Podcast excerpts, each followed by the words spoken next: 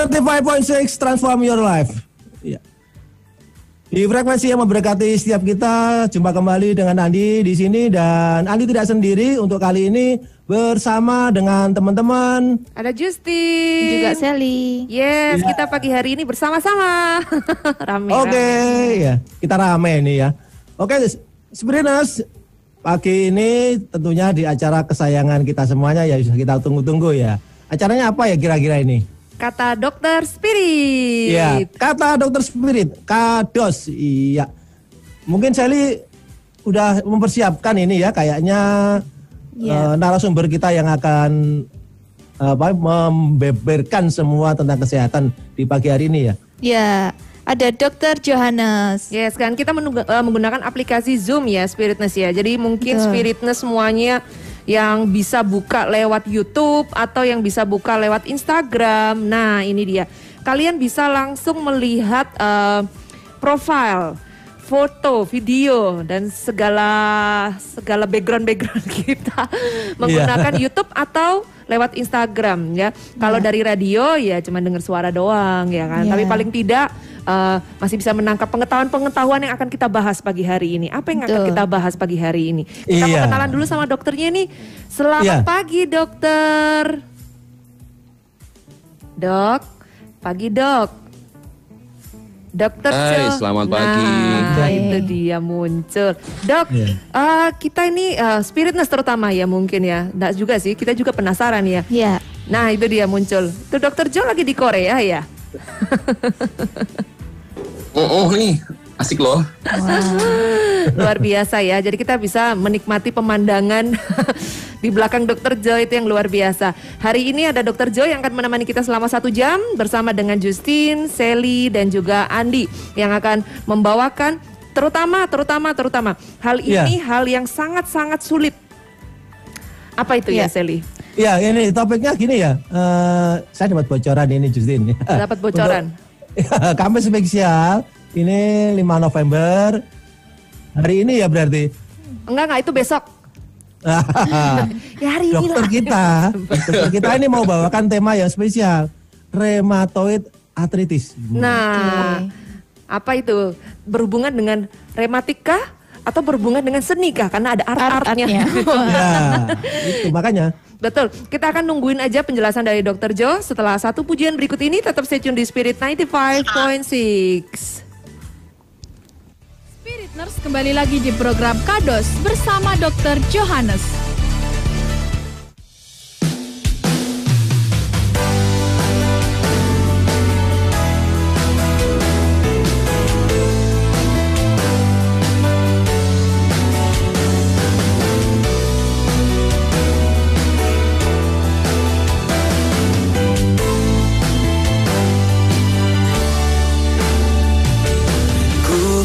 Pejamkan mataku berdoa padamu Membawa hatiku yang selalu rindu. Memujimu, menyembahmu Oh Yesus Tuhanku. Ku datang serahkan hidupku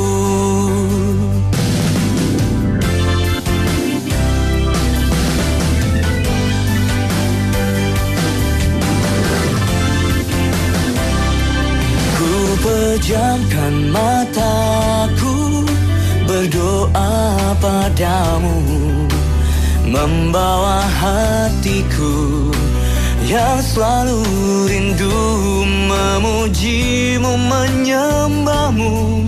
Oh Yesus Tuhanku Ku datang serahkan hidupku Genap hatiku Tuhan Memanggil namamu. Nama yang kudus Agung dan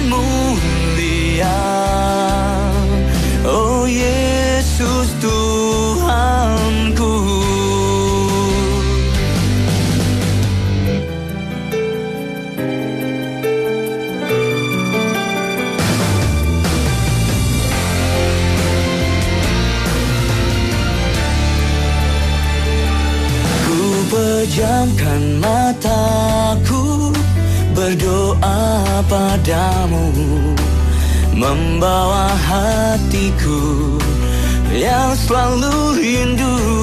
Memujimu, menyembahmu. Oh Yesus Tuhanku Ku datang serahkan hidupku. Ini aku Senap hidupku Tuhan. Ku serahkan padamu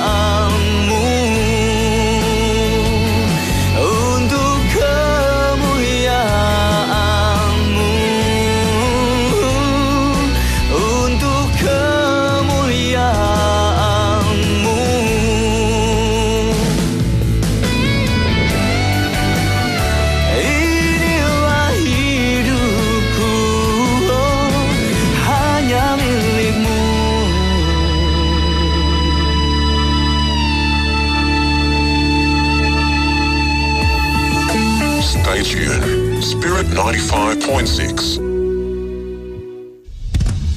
Spirit Nurse kembali lagi di program Kados bersama Dr. Johannes.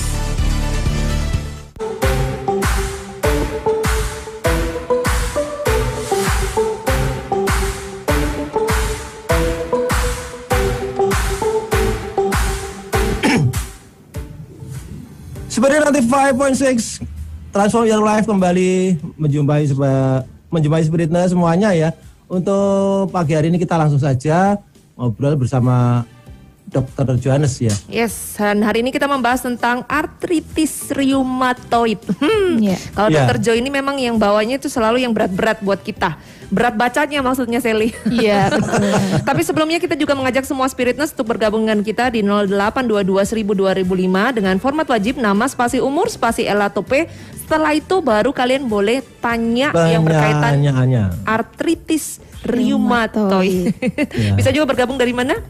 Bisa juga live chat melalui YouTube di Spirit 95.6, juga bisa DM melalui Instagram juga Spirit 95.6. Yes, dan kita bisa dengerin dari mana aja ya, Andi? Iya, ada dari radio, ada dari Live streaming. live streaming, de- ya, Bisa macam-macam. juga, betul. Facebook kalian bisa bisa. eh, bisa juga kalian buka aplikasi Radio Box ya. Jadi Radio kalian Box, bisa mendengarkan kita secara live streaming atau kalian buka websitenya kita di spirittoc.com. Kita balik ke Dr. Jo. Dr. Jo hari ini kita membahas tentang artritis rheumatoid. Boleh dijelaskan dok? Ini apa ini dok? Dok? Iya. Bahasa asing ya. Nah, makanan apa itu ya? Jadi rheumatoid arthritis itu adalah suatu penyakit artritis ya. Dari katanya sendiri kita melihat dari kata arthro sendiri itu adalah sendi. Kalau ada itis-itis di belakangnya itu berarti ada suatu inflamasi. Nah, berarti penyakit ini adalah merupakan suatu eh, inflamasi yang terjadi pada persendian. Hmm. Lanjut dok. Inflamasinya dari mana? Inflamasinya itu biasanya terjadi karena suatu proses autoimun. Oh dari autoimun. Yes, biasanya ini pun dia menyerangnya itu tidak hanya satu, tapi dia suka menyerangnya itu di berbagai tempat dan banyak. Biasanya dia simetris. Hmm.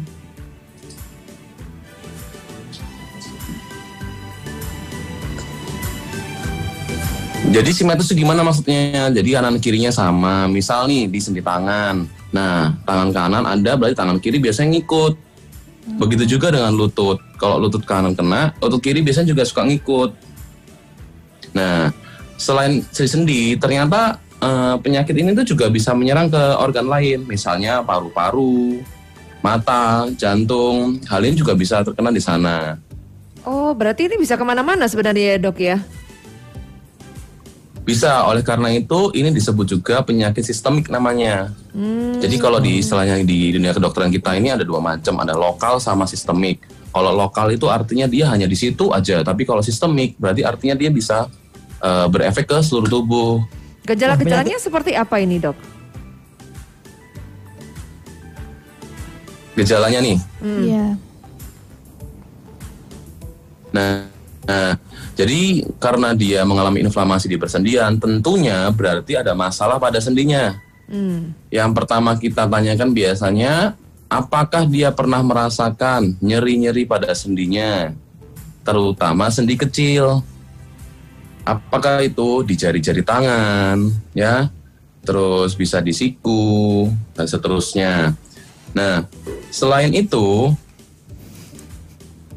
alami kekakuan biasanya di pagi hari. Jadi pada saat mereka setelah bangun tidur ada terasa kaku-kaku tuh. Nah, kakunya ini cukup lama. Bisa memakan waktu sampai 45 menit bahkan lebih. Oh mirip-mirip seperti Lalu, kita ciri asam khasnya urat ya selanjutnya. rasanya dok ya? Mirip apa? Kayak seperti asam urat bukan ya dok ya? Nah, ini ini temannya, ini ini temannya dia. Jadi kalau kita bilang biasanya penyakit rematik, penyakit rematik tuh. Hmm. Nah, penyakit rematik itu biasanya orang lihat itu selalu ada tiga macam. Nah, yang pertama itu OA atau osteoartritis yang biasanya pada orang tua dan orang gendut, Hmm. ya, yang obesitas sehingga akhirnya lututnya suka suka kretek kretek kretek gitu tuh. Ah, Terus kalau dibuat naik tangga tambah sakit. Nah, lalu yang kedua ini penyakit RA namanya atau rheumatoid arthritis di mana dia base-nya itu adalah autoimun. Kalau yang tadi kan karena penuaan dan obesitas, Obesitas. sehingga terlalu banyak sering dipakai, beban yang terlalu berat, akhirnya aus. Mm-mm. Nah, yang ketiga ini dia penyakit GOUT atau yang disebut asam urat. Base-nya dari mana? Karena penumpukan asam urat yang berlebihan. Gitu ceritanya. Oh gitu. Jadi dia kalau yang eh, sendi- yang artritis reumatis sendiri ini berkaitan dengan autoimun ya? Ya, betul Berarti- sekali. Tentang kekebalan ya. Kalau kebal artinya imunnya kuat, dia tidak akan terjangkit. Kira-kira seperti itu ya dokter. Nah, ini yang perlu diluruskan. Jadi, yang disebut autoimun itu adalah antibodi kita yang tidak mengenali antigennya itu berasal dari luar atau dari dalam. Kalau dia dari dalam, artinya kan dia harusnya baik karena itu berarti dari tubuh kita sendiri. Ya. Nah, kalau yang dari luar, ini misalnya seperti bakteri, virus, jamur, dan sebagainya. Mereka ini kan harusnya yang eksternal, yang tidak dikenali. Nah, tapi karena suatu hal ada pemicunya berbagai macam itu, akhirnya tentara kita ini antibodi kita ini salah menyerang, salah mengenali. Ya, mengenali antigen yang ada di dalam sendi-sendi kita itu sebagai benda asing sehingga akhirnya sama mereka diserang gitu ceritanya. Oh ya, berarti itu bisa menyerang ke semua orang ya dokter? Bisa, bisa ke semua orang tentunya. Tapi penyakit ini tuh lebih suka ke arah wanita lagi, Justin. Hmm, Kayak memang dokter itu sukanya nyungkit-nyungkit yang wanita kok ya. Saya lihat sering Ya. dokternya ini wanita terus yang diawalin. Biasanya kan kita suka di- selalu membahas ini lebih ke arah mana nih? Wah, gitu kan. Iya. Kok sama saya selalu sering ke arah yang cewek-cewek terus ya. Selain cewek-cewek deh dok, eh, yang lain nih mungkin, siapa tahu mungkin ada yang sudah mungkin lebih berumur atau mungkin anak-anak juga bisa kena atau seperti apa dok? Nah, selain pada wanita, semakin tua usia juga semakin rentan terkena penyakit seperti ini. Sebenarnya ini bukan suatu penyakit menular ya, karena ini kan bukan penyakit infeksi, betul. tapi dia berbasis dari autoimun sehingga ini lebih berbasis pada genetik yang dipicu sama berbagai macam kegiatan atau infeksi virus lainnya gitu. Dan yang paling eh, mungkin yang paling kita perlu perhatikan itu adalah autoimun ini bisa terjadi dari pola atau gaya hidup yang salah, bener ya dok ya? eh jadi bisa kita bilang bukan salah sih sebenarnya, tapi eh, ada gaya hidup yang bisa memicu terjadinya itu. Jadi kayak dia semacam, semacam triggernya, Hmm. gitu sih. Oke oke. Triggernya apa kira-kira dok yang bisa memicu sehingga autoimun ini bisa juga menyerang eh, rheumatic arthritis ini susahnya RA RA RA. Ya, boleh boleh. Supaya lebih gampang kita sekarang eh, sepakat nyebutnya RA ya. Jadi singkatan ya, dari rheumatoid betul. arthritis ini adalah RA. Kalau osteoartritis tadi kan yang OA, yang orang eh, obesitas dan orang tua. Iya. Nah, kalau RA ini dia itu memang eh, bisa menyerang pada kelompok semua umur, tapi dia lebih sering pada eh, dekade 4, dekade 5. Berarti orang yang umur 40 sampai 50-an dia lebih sering tuh di sana dan terutama pada wanita. Hmm. Eh, ini dia terdi eh, karena di proses genetik, tapi dipicu sama faktor luar. Nah, pemicunya apa? Pemicunya itu bisa macam-macam, tapi yang paling sering kita sering duga itu ya eh, dari teori yang paling tren ini, itu pemicunya adalah dari proses infeksi. Nah, faktor infeksinya ini apa aja? Bisa dari mikoplasma, parvovirus, retrovirus. Jadi Eh, itu bahasa apa itu dok ya agak susah untuk yang kita kadang mengerti bahkan dok. kita nggak sadar.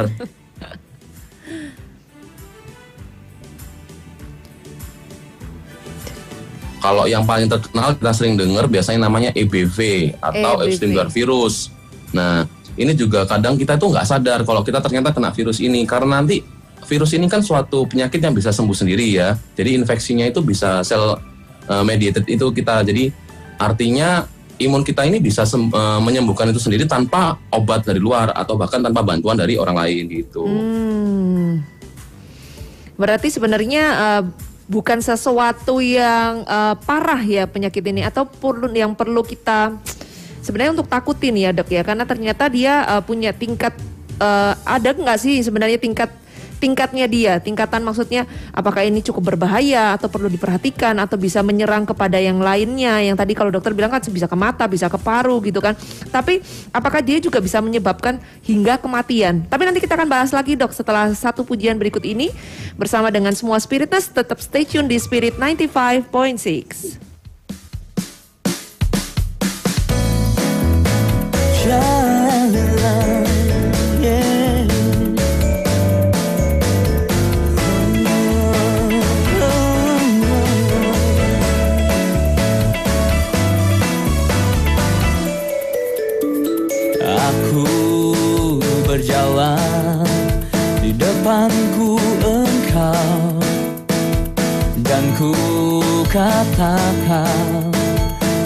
siapa lawanku Janganlah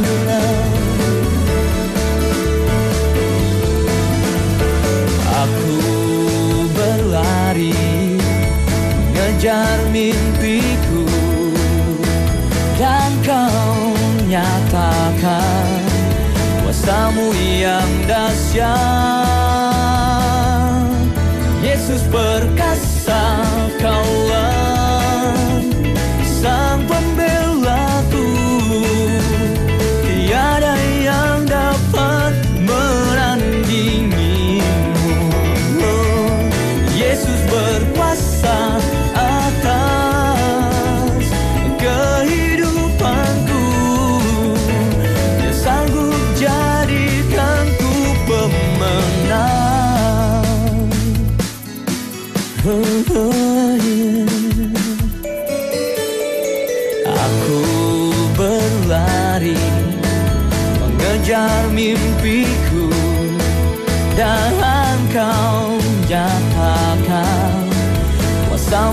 yang dahsyat.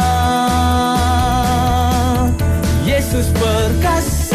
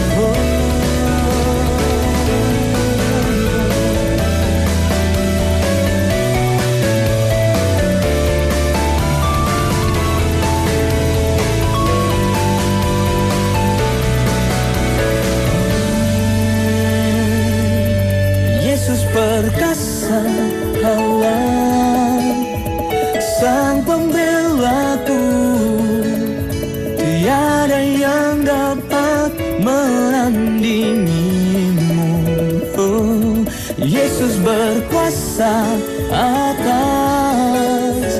kehidupanku.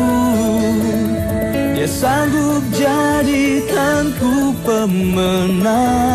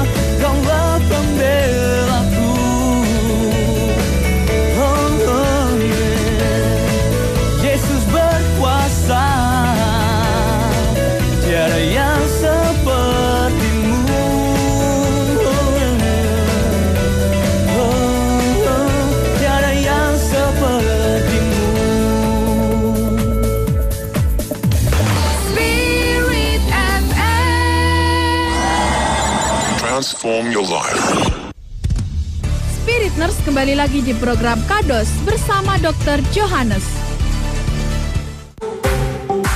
Oke balik lagi di Spirit 95.6 Transform Your Life dan selama satu jam sejak dari jam 7.30 berarti sudah loh sudah hampir setengah jam Iya, kita ya betul. luar biasa tidak terasa dan selama satu jam dari jam 7.30 sampai 8.30 kita ada menemani kalian di program kata Dokter Spirit. Dan hari ini kita membahas tentang RA ya bukan RE ya itu lain ya itu nama film dan permainan RA namanya itu rheumatoid Rheumatoid arthritis, arthritis. ya tapi kita singkat RA aja supaya Ya. lebih gampang ya. Dan kita mengajak semua spiritness untuk bisa bergabung dengan kita di 0822 1000 2005 dengan format wajib.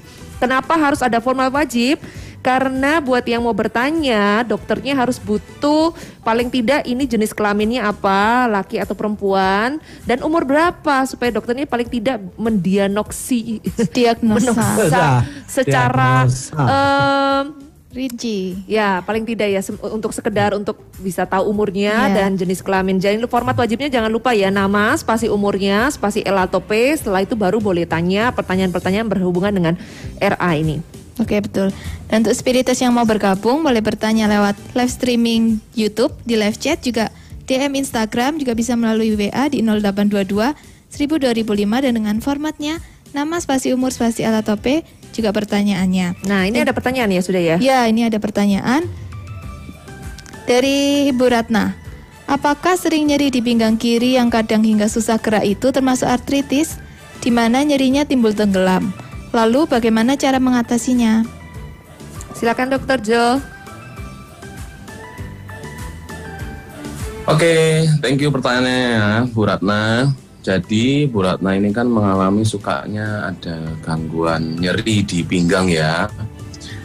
Kalau gangguan nyeri di pinggang, itu tentunya kita harus bertanya lebih lanjut lagi. Satu, dia nyerinya itu sejak kapan? Oke.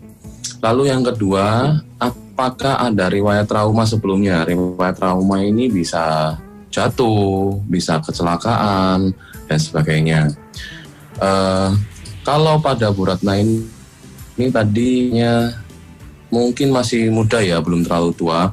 Kalau dia masih umur sekitar 28, wanita, ini juga mungkin bisa terjadi eh, penyakit RA, tapi itu tentunya kita harus pastikan dulu dengan pemeriksaan fisik dan ada beberapa pemeriksaan penunjang yang perlu kita lakukan. Kita tidak bisa bilang, oh nyeri pinggang yang kayak gini, terus akhirnya dia kaku, dia eh, nyeri-nyeri terus hilang timbul hilang timbul, berarti ini pasti RA. Enggak, kita tidak bisa bilang seperti itu. Jadi eh, penyakit RA ini tidak sesimpel yang kita bayangkan, kita bisa lihat dan eh, raba saja lalu bisa ketemu. Jadi tetap harus kita lakukan pemeriksaan fisik dan pemeriksaan penunjang di lab ya. Hmm. Jadi kalau umpamanya untuk eh, Ratna, Ya. dia harus diperiksa ulang ya. Iya. Karena tidak bisa hanya dengan diketahui eh, menurut riwayat yang sudah Ratna sampaikan gitu kan. Tetap harus ada konsultasi kepada dokter yang terkait. Ya. Eh, ada lagi yang pertanyaan lain ya? Ada dari Bapak Yongki Limarga. Ini saya sudah cek asam urat dan kolesterol, hasilnya bagus, tapi di tengah tangan kanan sering kalau bangun pagi atau kena AC sering sakit, kaku dan nggak bisa digerakkan. Sudah periksa ke dokter dan dikasih obat agak berkurang sakitnya tapi belum hilang. Kenapa ya? Di jari tengah sini, dokter. Dokternya kasih obat diclofenac sodium. Apakah obat ini harus diminum sampai berapa lama? Dan ini baru dialami setelah pasca sembuh dari COVID. Apakah ini ada hubungannya dengan COVID yang pernah dialami sebelumnya? Oke. Nah, jadi ini kan dia mengeluhkan adanya nyeri sendi di jarinya ya. Ya. Tapi saya nggak tahu tadi eh, dia di jarinya itu keduanya atau hanya salah satu sisi saja. Hmm, iya iya boleh boleh. Mungkin bisa uh, kalau uh, Bapak Yongki bisa mendengar ya, apakah keluhannya itu cuma di jari kanan atau kiri aja atau dua-duanya gitu ya, Dok ya?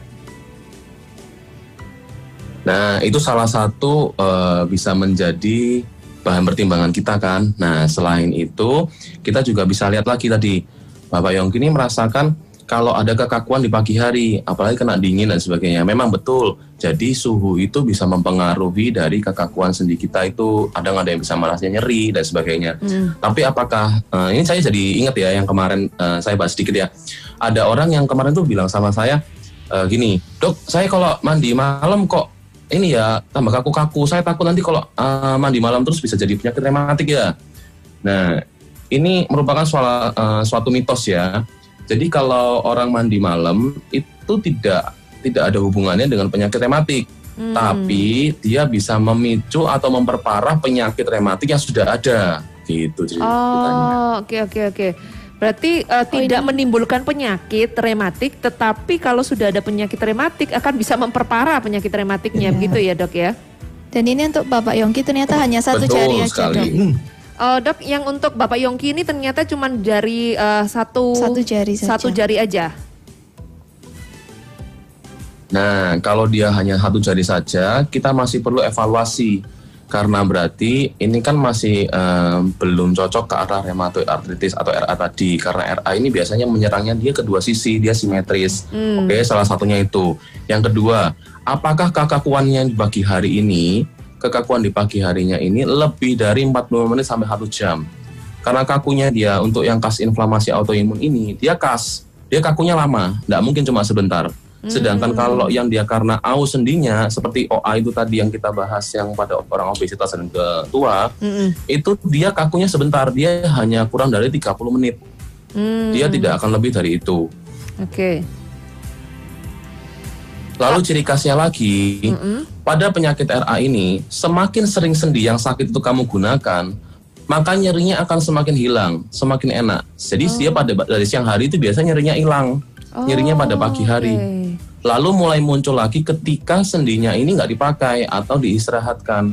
Nah, dia akhirnya mulai nyeri lagi ketika mau memulai suatu aktivitas. Oke. Jadi kalau justru malah kalau lebih banyak dipakai atau digunakan dengan beraktivitas, dok, malah tidak eh, lebih nyaman ya, tidak terasa sakitnya gitu ya, dok ya.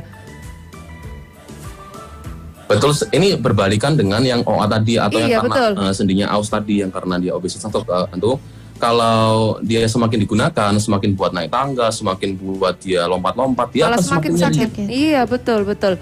Kalau bedanya sama yang asam urat ini, dok. Nah, kalau asam urat dia itu lebih cenderung nyerinya dipicu sama salah satu makanan yang dia makan.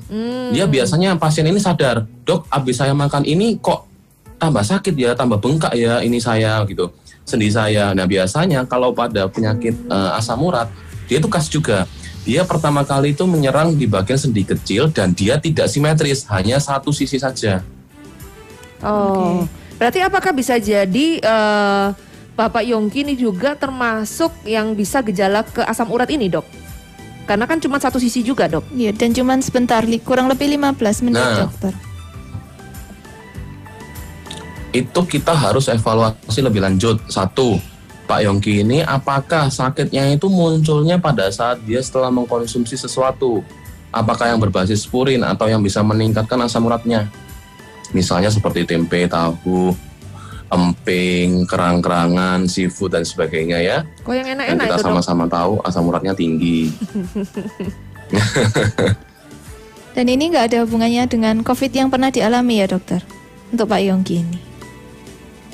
Nah, itu kita tidak bisa bilang 100% 100% ini bahwa tidak ada hubungannya dan 100% ini pasti ada hubungannya.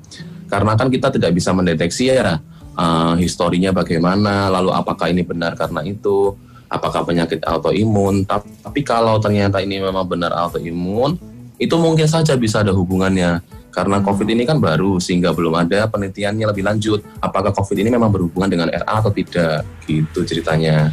Hmm, jadi mungkin eh, kalau untuk eh, Bapak Yongki sendiri mungkin bisa konsultasi juga lebih lanjut ya dengan permasalahan yang sedang dihadapi. Tapi sempat sempat dikasih obat sama dokter itu apa tadi itu Seli? Dok obatnya? Obatnya diclofenac sodium. Diclofenac sodium. Nah ini sekalian eh, menjadi pertanyaan dari Bapak Yongki tadi ya dok ya. Apakah dia tetap harus minum obat ini atau sampai kapan batas waktu dia minum dan eh, efeknya apa yang dia dapat dari eh, meminum obat ini? Apakah memang cocok dengan apa yang dialami sekarang dok? Oke, jadi eh diclofenac sodium itu merupakan salah satu obat analgesik ya. Obat analgesik ini merupakan eh, painkiller istilahnya atau untuk anti nyeri. Jadi kalau pada orang-orang yang mengalami nyeri sendi, memang biasanya kita menggunakan salah satu obat-obatan dari analgesik ini, yaitu sodium diclofenac salah satunya. Namun obat ini tidak boleh digunakan dalam jangka panjang ya, karena nah, obat ini samping. Jadi jika mau menggunakan obat-obatan seperti ini, alangkah baiknya berkonsultasi sama dokternya terlebih dahulu. Nah, yang jadi permasalahan biasanya orang-orang dengan gangguan eh, penyakit sendi atau rematik ini dia itu kan suka nyerinya berulang dan jangka panjang karena dia, dia kronik kan ya. Sehingga akhirnya mereka suka kadang aduh nggak apa-apa lah dis- dikasih dokternya ini berarti besok kalau ketika aku sakit aku bisa minum obat ini lagi. Iya betul biasanya. Padahal itu tidak boleh.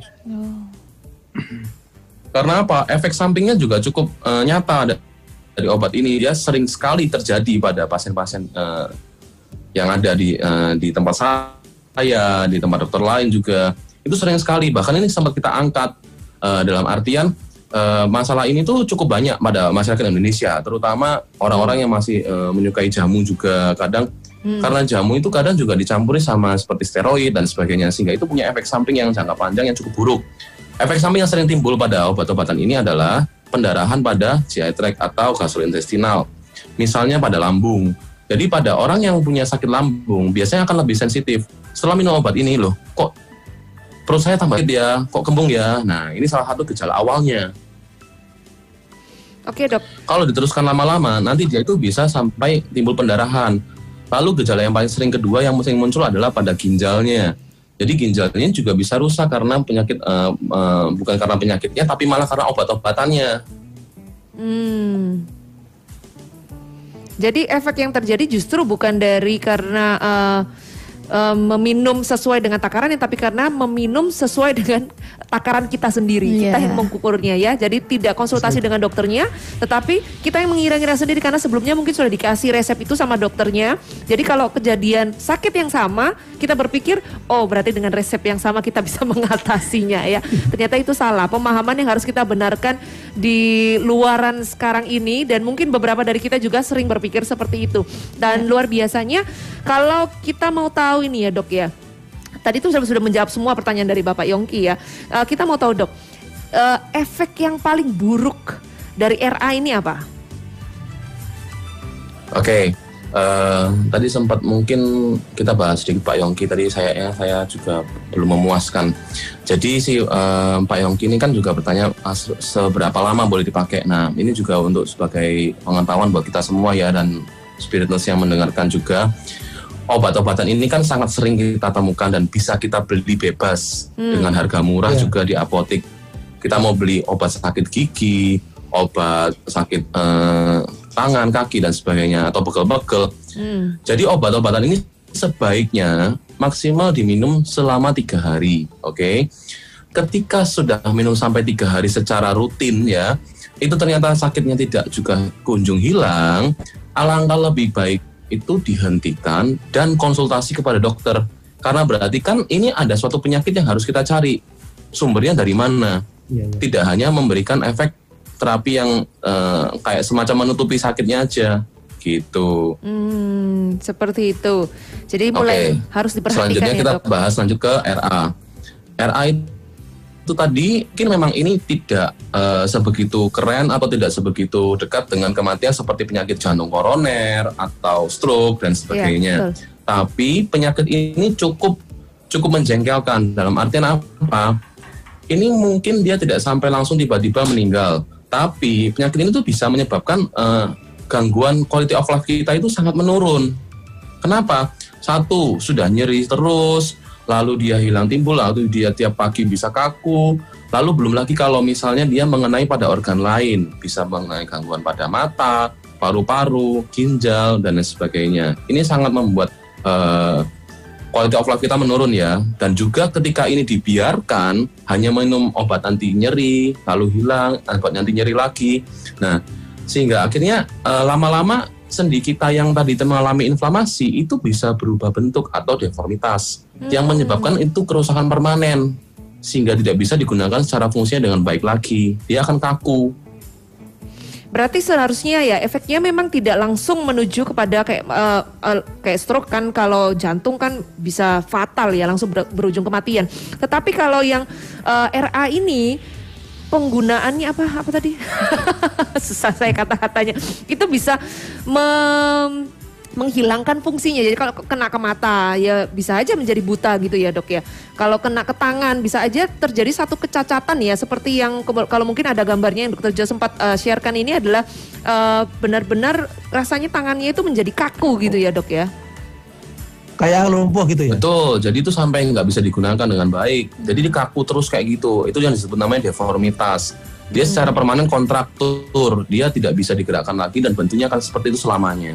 Wow, itu dia. Itu mungkin akan menjadi suatu efek yang berbahaya untuk kita. Iya. Kita masih ada dua pertanyaan lagi dok, tapi nanti eh, kita akan putarkan dulu satu pujian berikut ini. Nanti kita akan balik lagi ya buat spiritnya semuanya. Tetap stay tune di Spirit 95.6. Eh, masih ada sekitar 15 menit, kita akan balik lagi.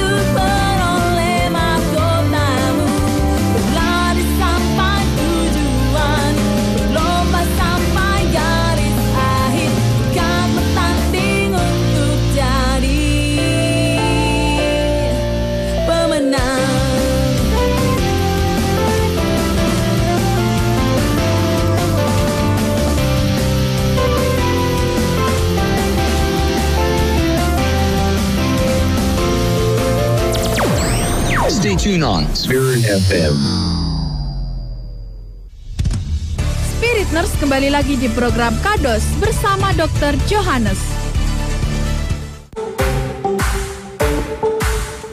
Ya balik lagi bersama dengan Justin, Sally, Andi dan juga Dr. Joe pagi hari ini di Kata Dokter Spirit.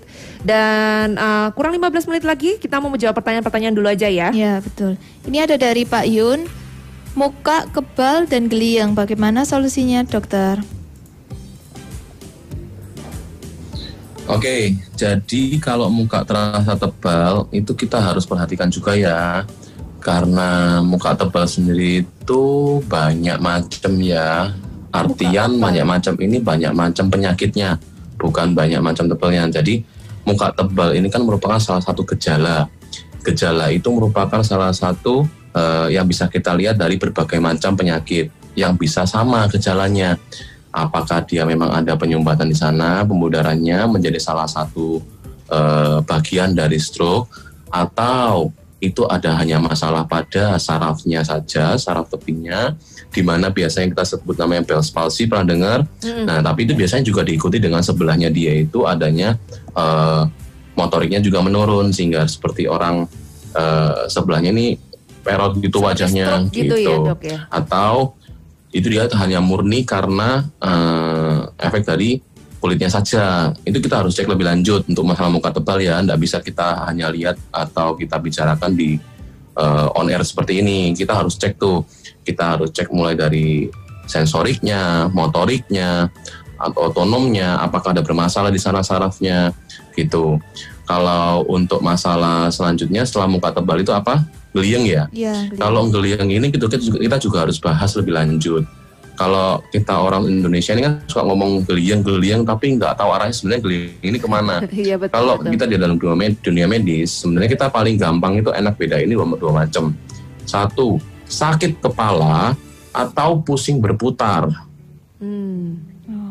Nah, jadi kalau dia yang dimaksud sakit kepala, itu berarti dia eh, lebih ke arah eh, kita cari ini efeknya dari mana? Dari luar atau dari dalam? Kalau dari luar biasanya bisa karena kekakuan, proses eh, ergonomis yang kurang baik, atau dia pada saat proses bekerja yang terlalu lama dalam satu posisi, salah posisi tidur dan sebagainya itu bisa jadi masalah.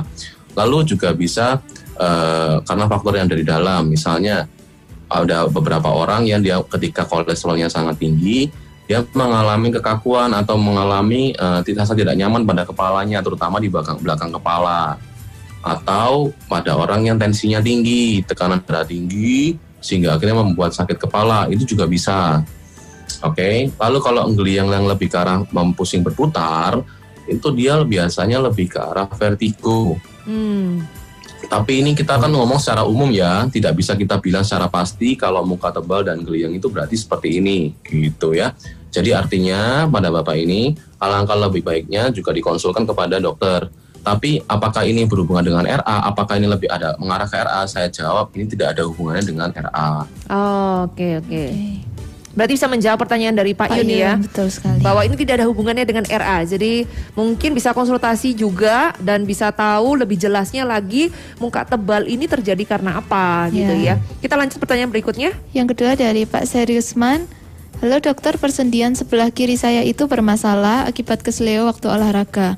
Sehingga kalau digoyang-goyang, kaki kiri saya itu bunyi-bunyi tulang lututnya. Jadi bagaimana penanganannya dokter? Oke, terima kasih atas pertanyaannya. Jadi gini, kalau pada orang seperti ini, berarti kan kita sudah jelas, enak ya, dia ada riwayatnya, di mana dia ada riwayat trauma, dalam artian dia kesleo atau terbentur dan sebagainya. nah, jadi sampai menyebabkan dia ada bunyi eh, semacam krepitasi kita sebutnya ya, atau klek-klek gitu. Nah, Hmm. ini biasanya berarti ada masalah anatomis yang masih belum baik atau secara fungsional dia eh, sendinya mulai aus. Bisa dikarenakan berbagai macam. Nah, ol- oleh seperti ini, kalau baiknya itu berarti kita periksakan dengan foto atau X-ray. Kita foto, foto ronsen ya. Di sana kita bisa melihat secara umum dulu apakah dia sendinya masih bagus, jarak sendinya baik, Iya. Lalu kita bisa lihat apakah ada eh, kelainan anatomis di sana, apakah memang kesleonya itu sudah baik, sudah balik atau belum. Nah, lalu juga kita apakah mulai ada klasifikasi atau mulai pembentukan dari pengapuran. Nah, kalau di sini dihubungkan dengan RA, apakah ada hub- ada hubungannya? Saya jawab juga tidak berhubungan. Jadi ini lebih ke arah yang mekanik ya, bukan karena autoimun. Hmm, jadi mungkin karena ya keseleonya yang terjadi Ya. itu ya. Tapi nggak ada masalah ya dok ya. Oh, Oke kan ya kalau keseleo gitu kan cuman paling itu perlu nggak sih kita benar-benar harus ke dokter untuk menanggulanginya kayak gitu dok? Tentu perlu, apalagi kalau dia sudah mengalami gangguan seperti ta- tadi. Menurut saya ya, Eh, karena apa? Pada orang yang kesleo atau yang pada kita kalau bayangkan orang main basket ya, dia lompat lalu salah posisi ketika dia mendarat atau terjadi benturan, itu bisa sampai menyebabkan menyebabkan ruptur atau eh, robekan dari ligamen-ligamen yang ada di lutut. Ini cukup bahaya. Karena kalau ketika ini dia ruptur, ini akhirnya eh, seperti sendi kita kocak gitu. Ini yang bisa menyebabkan dia ya, tadi seperti klek-klek-klek gitu. Tapi apakah pasti? Nah, ini kita harus cek lebih lanjut. Kita ada pemeriksaan, pemeriksaan fisik dan pemeriksaan penunjang tadi. Nah, ketika ini sampai beneran ruptur, ini berbahaya. Kenapa? Ini harus sampai dioperasi nantinya bahkan ketika kalau beneran dia sampai putus. Oke. Oh, jadi cukup eh, perlu diperhatikan. Iya. Ya. Lanjut, ada pertanyaan terakhir ya dok ya? Iya. Perlu perhatikan. Ini menyambung dari pertanyaan Ibu Ratna tadi. Berarti mandi malam, mandi di malam hari jam berapapun apa tidak masalah ya dokter? Oke, eh, jadi penjelasan saya tadi jangan dijadikan pembenaran kalau berarti saya mau mandi malam jam 2 jam 3 pagi pun boleh. Ada batas waktunya, Mbak. iya. Jam eh, malam, ada jam kalau malam. masalah mandinya, bukan batas waktu sih. Sebenarnya bebas mau mandi jam berapapun bebas, tidak ada masalah. Tapi yang saya bilang di sini, kalau mandi air dingin pada jam berapapun itu tidak ada hubungannya dengan menimbulkan penyakit rematik, tapi dia bisa mencetuskan dan memperparah penyakit rematik yang sudah ada. Ya, betul. Kalau menurut eh, beberapa teman-teman dari dokter kita yang melakukan penelitian, alangkah baiknya ketika pada suhu dingin, bisa pada malam hari, pagi hari, atau pada tempat yang eh, dingin, memang kita mandi itu dengan air hangat. Tujuannya supaya suhu tubuh kita sendiri ini tidak kaget nantinya ketika eh, kita mandi langsung dengan suhu yang dingin. Jadi di tubuh kita kan juga perlu adaptasi seperti itu.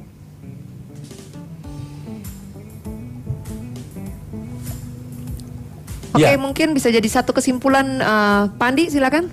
Iya ini eh, dokter, ini sekalian untuk spiriness ya. Paling tidak kalau kita sudah tahu eh, mengidentifikasi dari penyakitnya yang yang namanya RA tadi ya, kita mesti bisa mengantisipasinya untuk pencegahannya. Dokter bisa dijelaskan ini ya, bagaimana cara kita mengantisipasi yang namanya RA ini. Dan bisa jadi satu kesimpulan juga ya dok ya, karena waktu kita sudah hampir habis ini dok. Iya. Oke, siap. Nah, terima kasih atas pertanyaannya, Andi. Nah, jadi gini, apakah penyakit ini bisa kita cegah? Apakah bisa kita hindari? Jawabannya bisa, tapi apakah bisa kita eh, hilangkan? Jawabannya tidak. Jadi kita hanya bisa menjaga supaya ketika ada orang yang memang sudah punya riwayat dari keluarganya penyakit RA ini, karena RA kan seba- eh, dia dominannya genetik, Hmm. sehingga ketika dia sudah punya riwayat dari keluarganya ini eh, penyakit RA, berarti kita harus mulai jaga-jaga dari sekarang. Hmm. Jaga-jaganya seperti apa? Pertama, harus mulai memperhatikan diri sendiri. Perhatikan, apakah saya ini eh, sering cepet capek? Capeknya itu signifikan.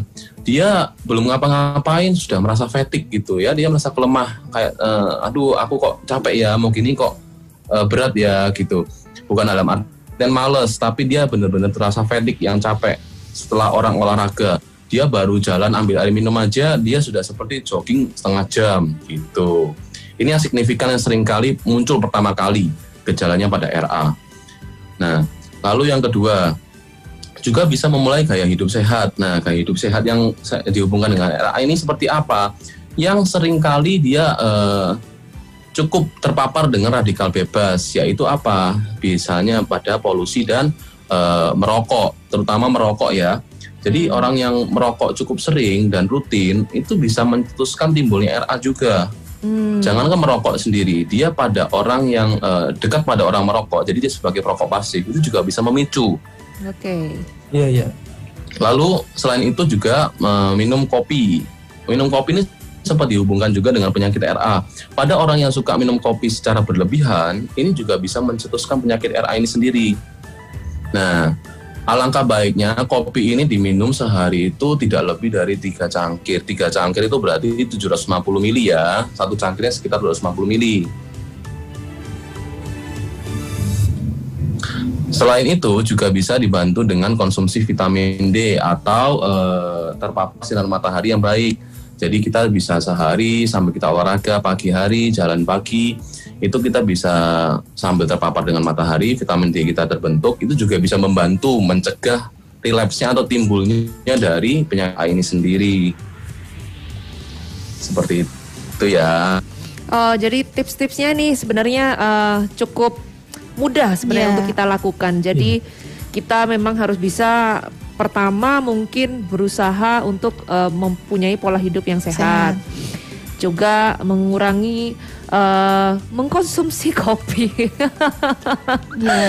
nah, itu Padahal cukup- ini Andi paling suka ini kopi. Iya bener Justin juga ya paling suka kopi ya setelah dibilang harus dikurangi ya kita mungkin berusaha untuk mengurangi juga ya dan mungkin juga ya buat yang merokok ya benar-benar harus mungkin bisa menghilangkan kebiasaan untuk merokok karena itu juga bisa memicu dari eh, RA ini terjadi dan kita hari ini luar biasa sekali sudah diberkati oleh Dr. Jo dengan pengetahuan tentang RA dan terima kasih juga semua spiritness yang sudah bergabung ada Pak Yun, ada Pak Yongki, ada Bu Ratna, ada Pak Sirisman. Sirisman. Ya benar ya. Terima kasih juga buat Andi eh, dan juga Sally, juga Dr. Jo yang sudah menemani kita.